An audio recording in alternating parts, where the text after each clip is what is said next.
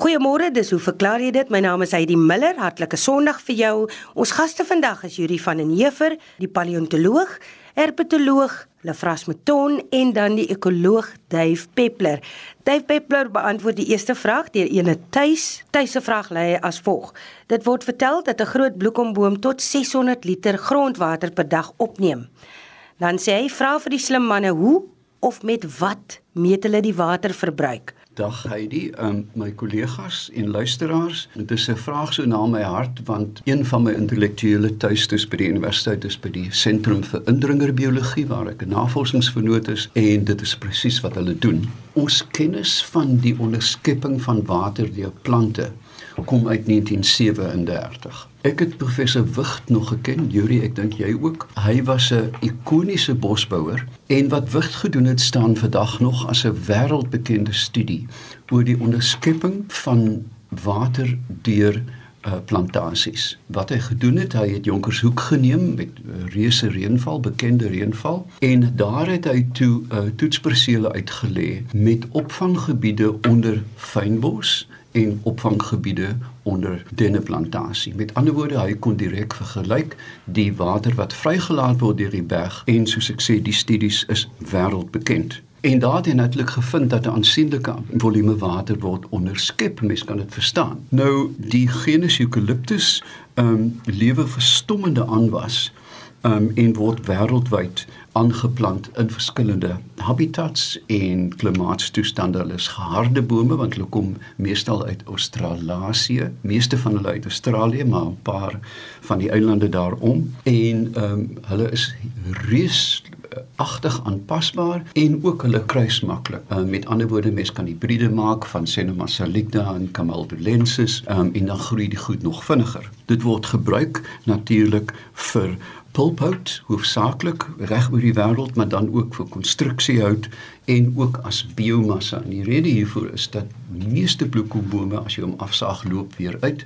Met ander woorde jy hoef hom nie oor te plant nie. Die tweede oes is dan gewoonlik kleiner en veel takkig en dit is wanneer dit dan vir biomassa produksie gebruik word. Suid-Afrika is boomarm. Ons weet dit want meeste van die land is droog. Slegs ons bedreigde bergwoude, waarvan die bekendste voorbeeld natuurlik die Nysna-woud is, produseer groot bome en ons weet wat daar gebeur het dat meeste van die kalandergeelhout is uitgekap uh, vir meubels en selfs vir uh, spoorwegsleepers. In die ou dae was die die uh, spoorlyn tussen Mossel Bay en George letterlik met geelhoutslepers gebou. Wel, ek word nou net hier uh, ferm in die bek geruk, uh, dwarsleers, maar ek het groot geword met die naam sleper. Hulle is uh, van die mees wyd aangeplante harde houtspesies in vergelyking met sagte hout wat dennehout byvoorbeeld is en daar is wêreldwyd 19 miljoen hektaar van eucalyptus.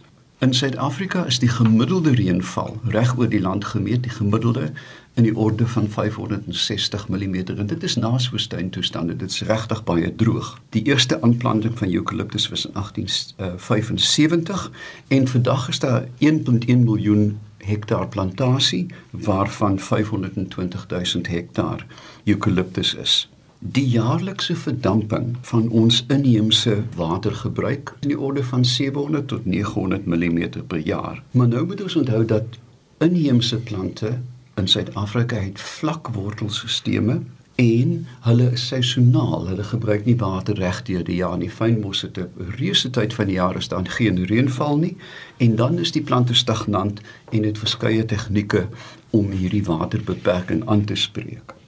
In teenstelling het plantasies diep wortels, hulle is immergroen en hulle het groot immergroen kroondakke wat 'n baie groot verhoogde oppervlakte het vir verdamping. Die vraag is hoe word dit gemeet?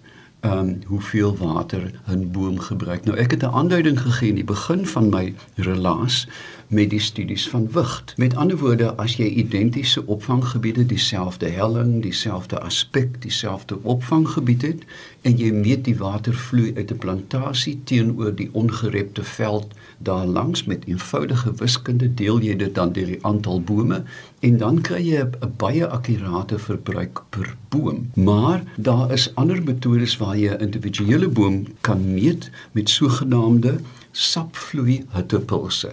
Met ander woorde, probes word op 'n vooraf bepaalde afstand in die sapvloei gebied, die seleum van die boom geplaas en dan word 'n hittepuls in die onderste uh, sensor losgelaat. En dan meet jy hoe lank dit neem voor hierdie puls by die tweede sensor uitkom. En dan met ewige en ingewikkelde somme wat ek glad nie verstaan nie kan jy dan die vloei die sapvloei van die boom bepaal uh deur dit te, te transponeer na die omtrek van die boom en so kan jy met groot akkuraatheid bepaal hoeveel water die boom gebruik nou ek moet hier daarom nou 'n klein pluimpie vir bosbou gee Ehm um, ons hulle uh, ontvang baie kritiek dat hulle die waterverbruikers is van Suid-Afrika, maar slegs 3% van die die watervloei, die beskikbare water van Suid-Afrika word deur bosbou onderskep. Waar die probleem werklik inkom natuurlik is met indringerplante wat wyd versprei is en dan veel groter uh volumes water gebruik. Bosbou is ook onderhewig aan internasionale sertifisering en veral FSC die Forest Stewardship Council waar in alle plantasies wat gesertifiseer is bome 'n minimum van 50 meter van waterbronne, vlei lande en riviere weggetrek word om so 'n maksimum vrylating van water toe te laat. Eh, die individuele gebruik van bloekombome verskil natuurlik van uh, tussen spesies, die ouderdom van die boom en die grootte. Weereens baie komplekse wiskundige berekenings moet gemaak word, maar ek dink 'n riglyn 'n meer verstaanbare en uh, maklik berekenbare data is dan om te sê hoeveel millimeter reën dit sal neem om 'n kubieke meter van 'n sekere houtsoort te produseer.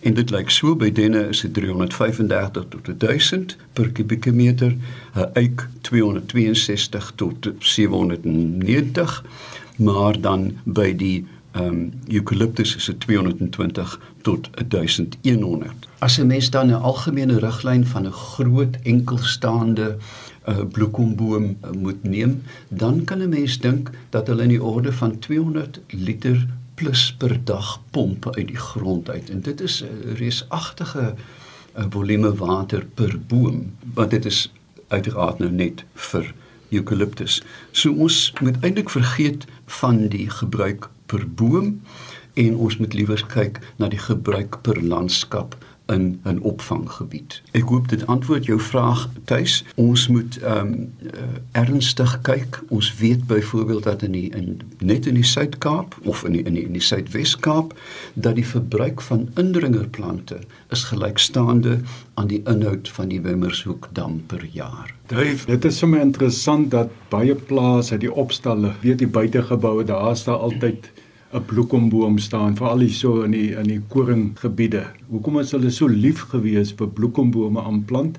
En dan die tweede ding in Australië wat ook tog 'n droogte land is. Uh en waar die die bloekoms vandaan kom, hoekom gebruik hulle so baie water hierdie bome? Wel, ek het nog nie 'n boom gevra nie. As is my antwoord. Ehm um, ek dink dat die bloekom Ehm um, eintlik 'n mooi naam blou gom het my oupa gesê van blue gum. Dit is 'n geharde boom. En mense het baie gou uitgevind dat die bloekom, die peperboom en uh van die populiere, van die enigste bome is wat die verskriklike klimaatstoestande van ons plase kon oorleef. En soos jy sê gereg, ons moet versigtig omgaan met die idee dat hulle almal uitgekap moet word. Want ek voel baie sterk dat hierdie bome is deel van die kultuurlandskap, nê. Nee, dit is deel van ons kultuur, daai bloekomboom wat so in die wind suis, die peperboom en die populier. Ons moenie voor die voet uitkap nie. Daai is interessant die uh, vraag van uh, Lefras. As 'n mens daar in die noordweste rondry, dan sien jy ook baie plaashuise met bloekombome om en die res is net mielielande, maar dit is gebied waar daar byvoorbeeld nou uh, kameeldoring en ander baie ander bome voorkom. En ek het altyd gedink dat uh, onder die Britse bewind is bloekombome in die land ingebring omdat dit goeie bouhout verskaf. As jy wil 'n stal bou en jy wil balke insit, kan jy nie eintlik van 'n kameeldoring balke maak nie, maar bloekombome wat baie regop groei en redelik uh, dieselfde dikte handhaaf en sekere takke is dan eintlik natuurliker gewys balke. Is dit so? As jy kyk na die kultuur historiese gebruik van balke, is dit hoofsaaklik populêr En dit is hoekom die populiere ook in die kloofie waar daar meer waterryk is.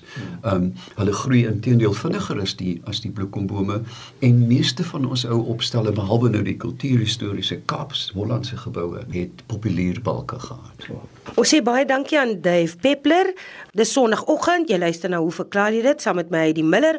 Ons gaste vandag is Dave Peppler, Yuri van den Heever en Lefras Mouton. David eerste gesels en nou is dit die beurt van Yuri van den Heever. Ek lees 'n brief van Dani Kreer. Ek sal graag dat die verklaarders vir my die volgende kan verduidelik. Aan die skedelkus van Namibië is daar talle skeepswrakke. Party van hulle lê baie ver van die huidige waterlyn. My vraag is, hoe kom hulle daar aangesien party selfs 500 meter en verder in die sand lê? Yuri, oor na jou. Uh dankie Dani. 'n Pragtige gebied wat jy besoek het. Uh as mens na sommige mense luister, dan kan jy sê dat die enigste konstante in die natuur is verandering. En ons sien dit in baie gevalle. Watervalle byvoorbeeld, die groot watervalle van die wêreld is almal stadig besig om na die oorsprong van die rivier te migreer as gevolg van die slytasie van die water, maar dit gebeur so stadig dat 'n mens dit nie in jou eie lewenstyd eintlik sal waarneem nie. As mens egter na fotos kyk wat van natuurtonele geneem is omtrent 100 jaar na mekaar kan 'n mens van die veranderings raak sien en deesdae met aardverwarming is dit baie maklik om te sien hoe die gletsers besig is om te smelt en dan nuwe stukke grond gebied ontbloot. Nou erosie en sedimentasie vind dus gedurig rondom ons plaas. Alles is besig om te verweer. As 'n mens nou na satellietfoto's kyk van die monding van die Oranje rivier dan sien jy so groot oranje blerts wat die rivier in die see invoer. En terloops, jy mag dit interessant vind dat die naam van die Oranje rivier verwys nie na die kleur van die water nie, maar die rivier is vernoem na die prins van Oranje van Nederland. En mense sien hierdie geweldige groot hoeveelheid sediment wat in die see inspoel en wat van die land af verweer is en as gevolg van die koue Benguela stroom word hierdie modderwolk noordwaarts langs ons kus opgevoer. Verder is dit ook bekend dat die winde van die Sahara waai sand en mikrobes hoog in die lug op en waai hulle dwars oor die Atlantiese Oseaan en wanneer hulle weer dan in die water beland in die Karibiese Oseaan, dan vergiftig hulle die koraalriwe daar. So daar is veranderings wat ons eintlik niks aan kan doen nie wat plaasvind uh in die omgewing. Net so is daar 'n wisselwerking tussen die oseaan en die land aan die kus van Namibië, die sogenaamde Skedelkus, die rotsagtige gedeeltes, die verweer baie stadig, maar in die gebiede waar daar groot sandstrande is, is die wisselwerking tussen die woestyn en die see en die veranderings wat daarmee gepaard gaan baie vinniger. Nou omtrent so 50 km suid van Walvis Bay is Sandvishawe of Sandvis Bay en is waarskynlik vernoem na 'n walvisvaarder, die Sandwich wat uh, teen die einde van die 1800s in die gebied bedrywig gewees het en dis noemenswaardig om te onthou dat die kaptein van die skip is waarskynlik die oor die eerste akkurate kaart van die kuslyn geteken het. Nou op daai stadium was dit 'n diepwaterhawe gewees, visprodukte uh in guano uh seevoelmis is daar verskeep en uitgevoer, maar as gevolg van die wind en die weer het hierdie hawe toegesluk. En vandag is dit 'n strandmeer en 'n voëlparadys. Soortgelyke lotgevalle word deur geoloë voorspel vir ander uh plekke aan die kus soos byvoorbeeld Walvis Bay waar die vuurtoring in die slag gebly het dink ek en byvoorbeeld by Henties Bay waar uh, as 'n mens na ligfoto's kyk dan sien jy hoe gevaarlik naby die huise nou al aan die strand is as gevolg van die wegvreting van die duine deur die see. En 'n goeie voorbeeld is byvoorbeeld by myl 14, dis 'n baie geliefde hengelbestemming en daar het die buitelug toilette reeds in die see ingetuimel as gevolg van hierdie interaksie. Verder suid naby Conception Bay uh lê die bekende wrak van die Edward Bolen wat daar in 1907 gestrand het en ek vermoed dit is een van die wrakke daarin wat jy nou verwys. Uh dit was blykbaar baie mistige toestande geweest wat mense dikwels aan die kus kry as gevolg van die koue Benguela stroom en dan word hierdie mis nou ingedra in die binneland, maar dit het 'n baie uh, positiewe uitwerking want die vogtige mis verskaf water vir plante soos Welwitschia en vir ander diere wat uh, daarvan kan gebruik maak, maar die Edward Bolen het toe gestrand uh, as gevolg van hierdie geweldige mis en tans lê die wrak plus minus 500 meter van die branders af. Nou hier is 'n geval waar die woestyn eintlik 'n uh, landgebied herwin en dit nie afstaan aan die see nie want die windgewaaide sand in die omgewing het die duine al hoe meer na die water toe gedryf nader aan die kus gestoot en dis die see teruggedryf en so grondgebied van die see opgeëis het. So dit is die rede hoekom dit lyk of hierdie skeepswrakke besig is om almal land in te vaar. Yuri net om dit so in langtermyn perspektief ook te stel, ons weet van seevlakke wat daal en styg.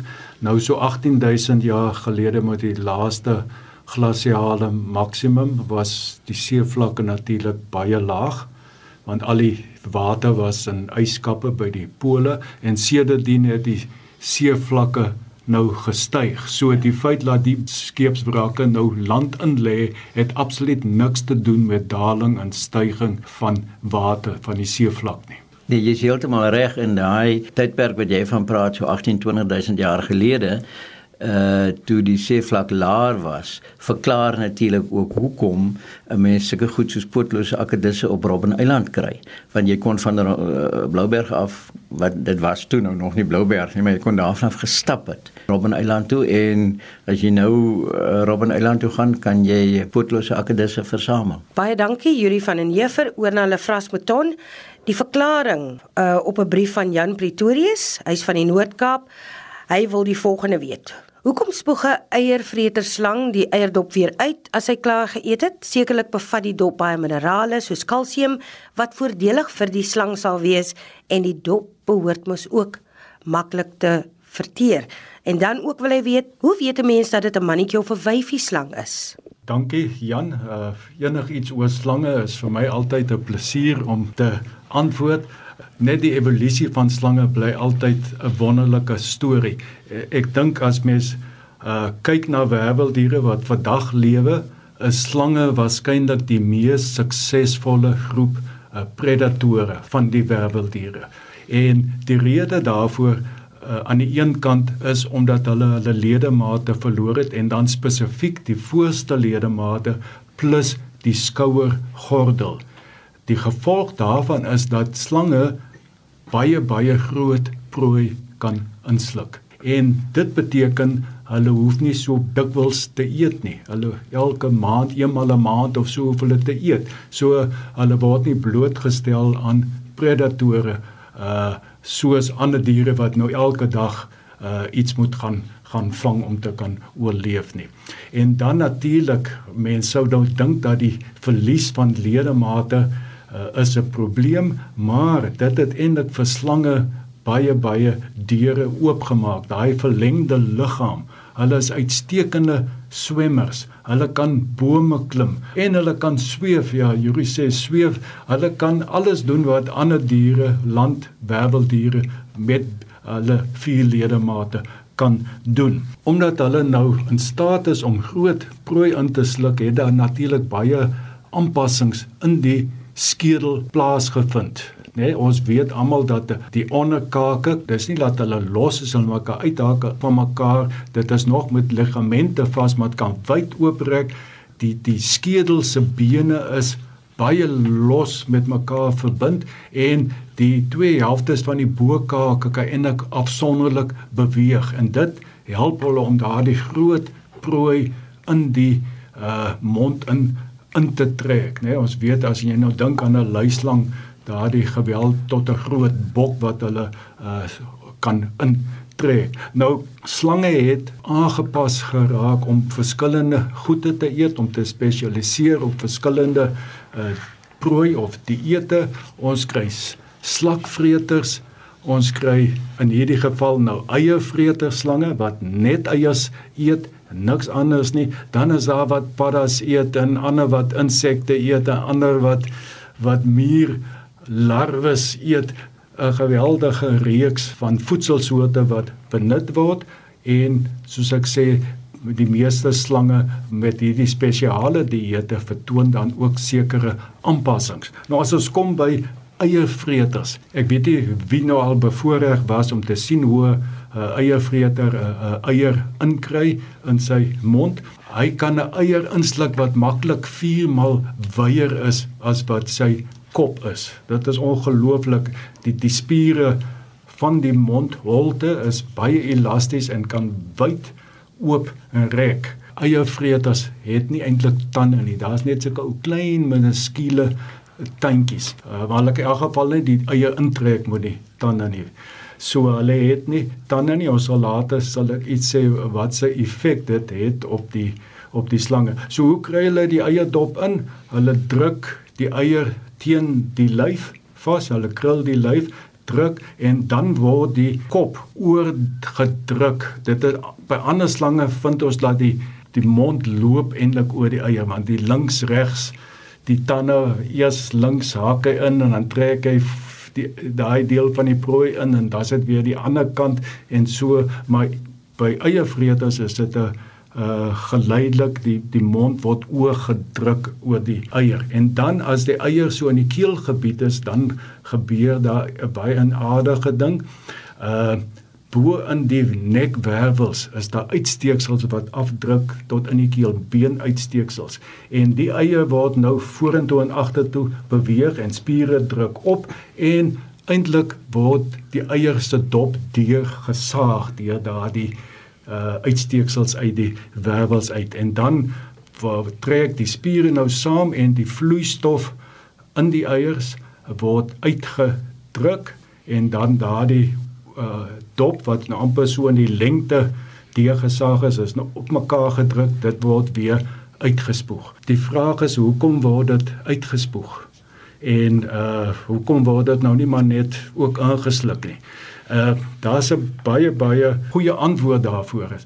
En, en ons moet onthou in die omgewing is eiers is nie so gereedelik beskikbaar soos byvoorbeeld 'n muis vir 'n geelslang nie. En die broeitydperk van voëls is kort, so wanneer hulle die kans kry 'n nes vind met vars eiers in, dan moet hulle nie net een eiertjie eet nie, hulle moet al daardie eiers eet. En deur die dop in te sluk, vat dit onnodige plek op. Hulle spoeg die dop uit, dit gee maklik tot 30% meer plek per eier en dan kan hulle meer eiers eet want hulle mag dalk daarna vir 'n etlike maande sonder kos moet klaarkom. En dan wat die minerale betref, kalsium byvoorbeeld in die uh dooier van die eier van die voëleier is daar baie hoë uh voorraad van kalsium neergelê want die kalsium is nodig vir die ontwikkelende voël embriootjie se skelet om te ontwikkel. So die dop is nie nodig vir minerale nie, die minerale is daar in die dooier. En natuurlik die eiervreters, hulle kies gewoonlik eiers, hulle kan dit ruik, eiers wat in 'n baie vroeë stadium van ontwikkeling is wat eintlik basies nog net dooier is. As die embriootjie, die voël embriootjie al te ver ontwikkel is, dan gaan hulle nie daardie eierdop kan platdruk nie. Hulle gaan nie die inhoud van die eier kan uitkry nie en hulle gaan ook die dop dan nou saam moet insluk en dit gaan natuurlik nou nie werk nie. So hulle kan ruik hierdie eier is vars. Hulle wat natuurlik gaan hulle nie 'n vrot eier eet nie. Vars eier en hy's in 'n vroeë stadium van ontwikkeling. Dit is die antwoord. Ek het net o gesê hulle het nie eintlik tande nie en dit maak dat dat hierdie eiervreter slange redelik blootgestel is aan predatore want hulle het geen afskrikmiddel nie. Maar dit is ongelooflik die vertoning wat hulle kan kan opsit. Hulle skuur hulle lyf, hulle die lyf kronkel so te mekaar en dan skuur die vel van die verskillende kronkels te mekaar en dit maak so 'n sis geluid amper. Juri, jy het al gehoor hoe 'n eiervreter, hy sit maar so 'n vertoning op en dit klink soos 'n groot slang wat blaas. En dan ook hap hierdie uh, eiervreter slangetjie. Hy is vreeslik aggressief. Hy byt en jy sien hierdie blou binneste vliese van die mond, is so blou swart van kleur. Dit lyk baie indrukwekkend, maar hy's natuurlik heeltemal skadeloos. Glad nie giftande of so nie. En dan net die laaste vragie, hoe weet mens nou of dit 'n mannetjie of 'n wyfie slang is?